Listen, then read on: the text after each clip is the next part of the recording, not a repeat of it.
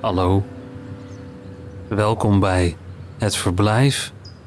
Dag 187. Tweede paasdag. Vandaag. Mark Berens leest Reizen door het Apenland van Gerrit Papen.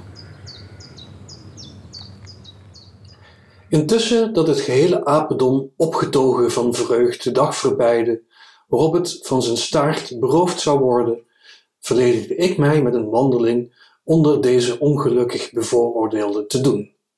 Telkens schoten mij de ogen vol tranen. Beroofde men hen nog van iets, dacht ik, dat wederom kon aangroeien, ik zou het met minder hartzeer zien. Maar een staart, hemel, een staart af te kappen, die nimmer door een andere vervangen wordt, welk een dolligheid.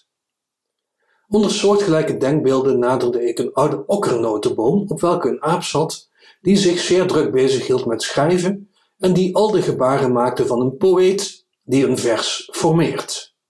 Ik stond stil, want dit verschijnsel verwonderde mij.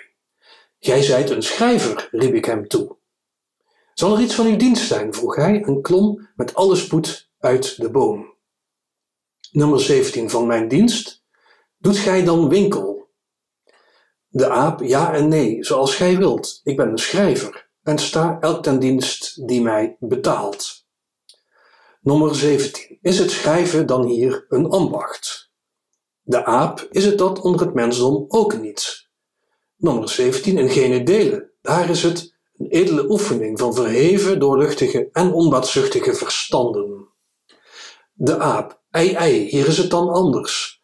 Doch het is ons toe te geven, want wij zijn maar apen.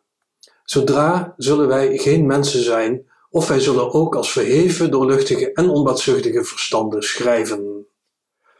Nummer 17. Maar op welke wijze exerceert gij dit ambacht? De aap dat ik alles aanneem wat mij besteld wordt. Dus bijvoorbeeld komt een boekverkoper bij mij. Aap, zegt hij, hier heb ik enige titels, daar moet gij eens boeken van maken. Want zoals het mij voorkomt, dan moet een boek met zulk of zulk een titel goede aftrek hebben. Goed, zeg ik dan, ik leg de titel voor mij, neem een borrel goede jenever en bedenk zeer ernstig wat er van de opgegeven titel te maken is. Ik keer en wend dezelfde in mijn gedachten, even gelijk een kleermaker een lap laken waaruit hij een broek moet snijden, tot zo lang dat ik er iets op gevonden heb. Want het gaat zo het wil, het is besteld werk, iets moet ik ervan maken, zelden mist het of ik vind er iets op. Voor een schrijver van enige bekwaamheid is dit ook niet moeilijk. Want tussen ons gezegd, welke zijn zijn lezers? Dan val ik aan het werk en wring en draai en fatsoeneer mijn schrijverij naar de opgegeven titel. Het werk af zijnde ontvang ik mijn geld en wordt het boek wel verkocht, dan zit een boekverkoper er niet op om mij een honorarium daarboven te geven. Nummer 17. Dit heeft onder de menselijke boekverkopers geen plaats. Deze beschouwen de boekmakerij als een edele uitspanning des hoogvliegende vernufts. De aap, ik weet het, maar wij arme duivels hebben anders niets te vrezen. Wij moeten wel zo handelen, en het is daarom dat ik zeer verlang om insgelijks mens te worden. Nummer 17. Schrijft gij ook over de publieke zaken? De aap, ik schrijf over alles. Pro en contra. Ik moet van alle apen leven. Ik heb tegenwoordig een lofdicht en een hekeldicht onder handen, en dat beide op nummer 5.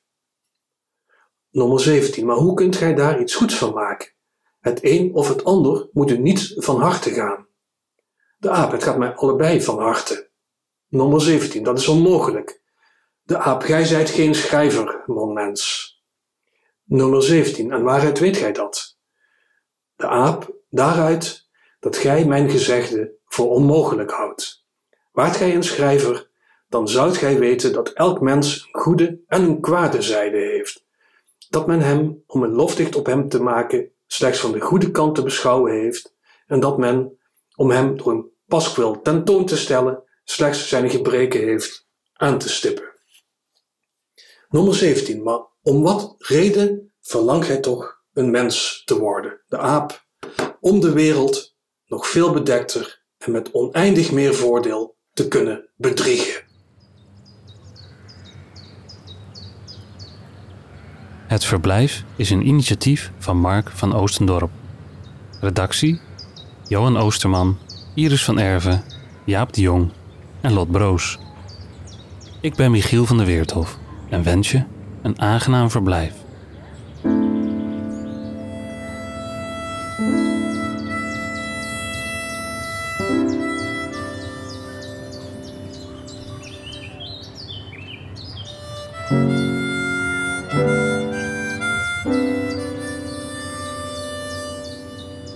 Tot morgen.